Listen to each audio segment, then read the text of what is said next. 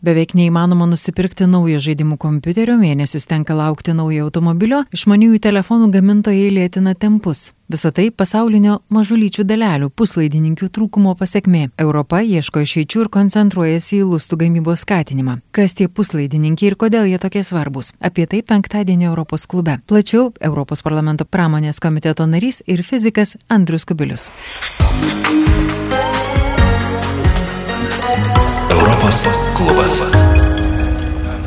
Sveiki, prie mikrofono Vilija Kvedaraitė. Beveik nebeįmanoma nusipirkti PS5 žaidimų kompiuterio, mėnesius tenka laukti naujos Toyotos ar Volvo. Išmaniųjų telefonų gamintojai lėtina tempus, Apple jau įspėjo akcininkus, kad gali nukentėti iPhone pardavimai. Dėl didžiulio puslaidininkių stygiaus jų kaina kilo ko ne dvigubai, o bendras smūgis pasaulio automobilių gamintojų šių metų pajamoms jau per 200 milijardų dolerių. Trūkumo priežastys įvairios nuo pandeminių iki geopolitinių, tačiau pagrindinė Azijoje sukoncentruota jų gamyba. Ir ekspertai sako, sako, jog situacija nesikeis iki pat 2023. Prieš 30 metų, 1990-aisiais Europoje buvo gaminama daugiau kaip trečdalis pasaulio lustų. Šiuo metu mažiau kaip dešimtadalis, vos 9 procentai.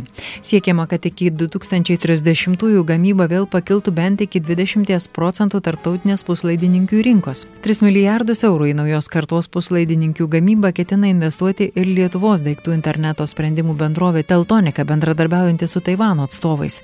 Tačiau irgi iki 2030-ųjų. Vokietijos ekonomikos ministras susitiko su 50 vietos ir tarptautinių lustų pramonės atstovų kviesdamas juos investuoti į gamybą Vokietijoje ir siūlo 3 milijardus eurų. Teksaso valstija vilioja Samsung, žadėdami vos neamžinai beveik atleisti nuo turto mokesčio. ES skelbia Europos čipų aktą, gelbėdamasi nuo nuolatinio šių nedidelių ir visur egzistuojančių detalių trūkumo. So I was uh, specifically focusing on the semiconductor. Indeed, that is a field Aš ypač akcentavau puslaidininkius, nes tai yra sritis, kur Europa turi daug lyderystės, bet augant paklausai visame pasaulyje, gamybai Europoje mažėjant, mes tikrai turime veikti.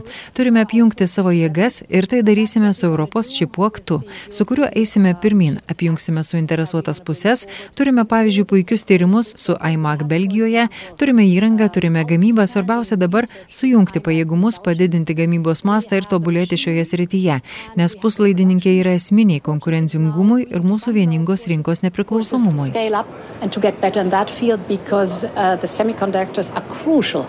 for the competitiveness and also the independence of our single market. Po savo metinės kalbos Europos parlamente kanalo Euronews sakė Europos komisijos pirmininkė Ursula von der Leyen. Su Europos parlamento pramonės komiteto nariu Andriumi Kubiliumi, kuris pagal išsilavinimą yra fizikas, aiškinamės, kas tie čipai ir kodėl jie tokie svarbus.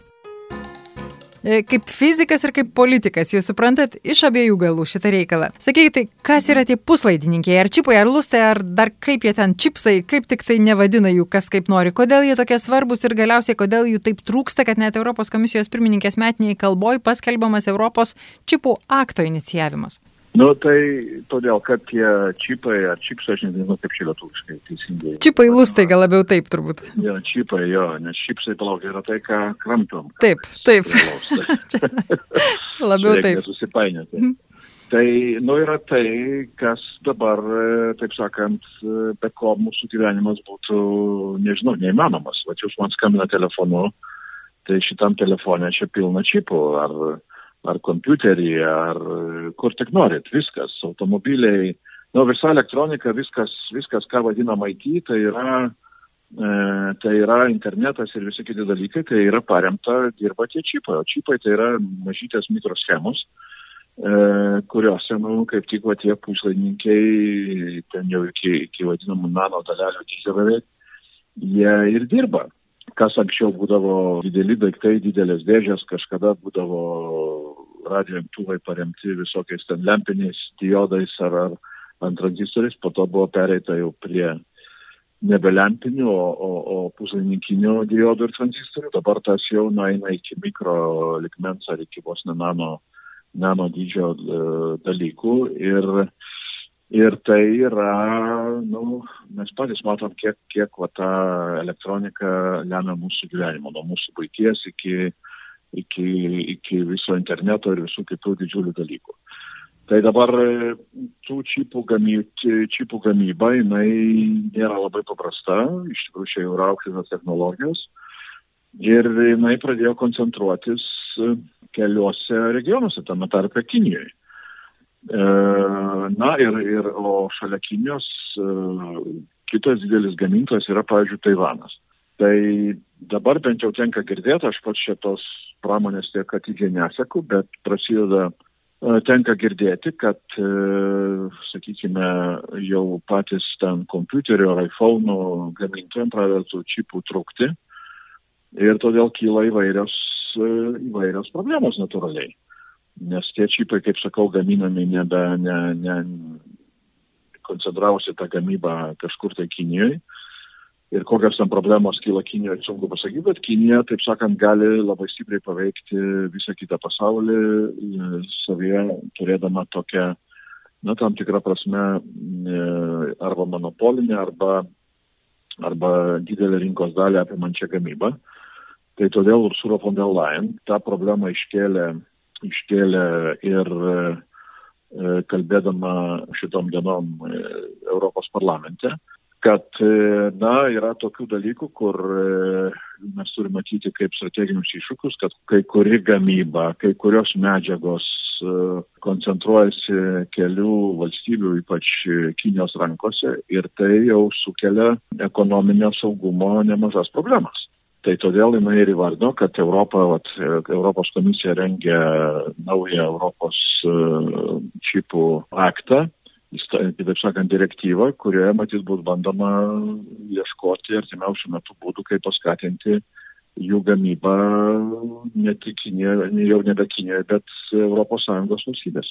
Iš tiesų, rugsėjo viduryje ir Europos parlamentas dar prieėmė rezoliuciją, kur santykiuose su Kinija, santykiai su Kinija nagrinėjami ir irgi akcentuojama šitą problemą, bet apskritai kaip tai nutiko, na, ES juk irgi nesvetimos tos aukštosios technologijos, ar ne? Kaip, kaip nutiko, kad visas pasaulis, na gerai, Junktinės valstijos vėl gal turi savo ten daugiau, bet iš principo Europa yra žvėriškai priklausoma nuo Azijoje gaminamų puslaidininkių.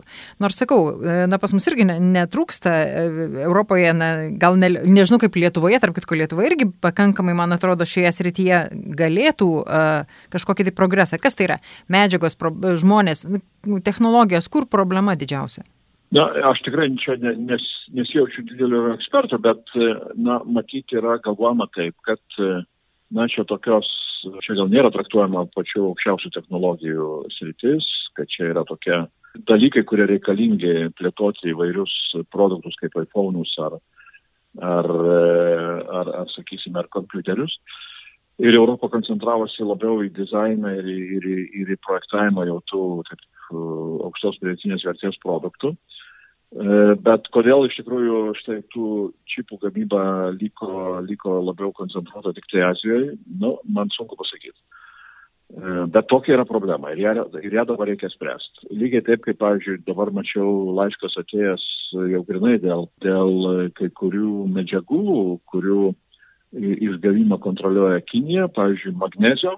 Kaip prašo aliuminio gamintojai susirūpinę, kad magnezio E, gamyba yra sukoncentruota, e, matyt, magnio, turbūt čia taip reiktų suprasti, ji yra sukoncentruota Kinijos rankose, jo reikia aliuminio gamybai ir jeigu ir, ir Kinijos pardavimai šitos medžiagos labai stipriai mažėja ir jeigu artimiausiu metu tai nebus įspręstas, sustos aliuminio gamyba. Tai jau toks visiškas pagalbos šauksmas.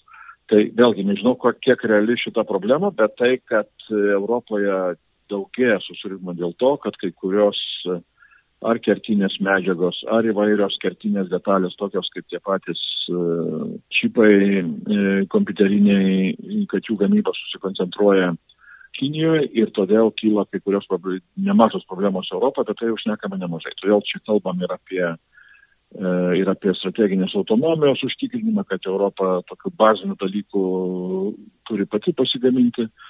Na, tai tos diskusijos vyksta, kai kurie sprendimai, ką jau čia kalbėjom apie ir Ursulos von der Leyen minėtą e, naują, naują direktyvą, e, kai kurie sprendimai jau yra daromi. Mhm. Europos parlamentas dar turbūt e, pramonės komitete nespėjo diskutuoti e, apie smulkiau apie šitus dalykus, dar čia turbūt laukia ateityje. Dar, dar ne, dar, dar, nėra, dar nėra projektų, nėra direktyvos projekto, kurį galime svarstyti. Iš tikrųjų įdomu, kaip čia taip nutinka, kad m, paima ir iš tikrųjų nuo tokios Kinijos priklausyti taip smarkiai, kita vertus nuo Rusijos dujų irgi pakankamai nemažai. Tai... Jo, jo, tai čia tų priklausomybių klausimas nėra naujas. Europos klubui pasakoja europarlamentaras Andrius Kubilius. ES šalys ateinančiais metais planuoja išleisti daugiau nei 160 milijardų eurų šiam sektoriui skatinti. Tai maždaug penktadalis iš beveik 800 milijardų eurų vertės ES ekonomikos gaivinimo plano. ES vidaus rinkos komisaras Thierry Bretonas teigia, kad Europos čipų aktas yra pagrindinis atsakas į nuolatinį lustų trūkumą, dėl kurio stoja automobilių, kompiuterių, išmaniųjų telefonų, žaidimų konsolių ir kitų gaminių gamyba.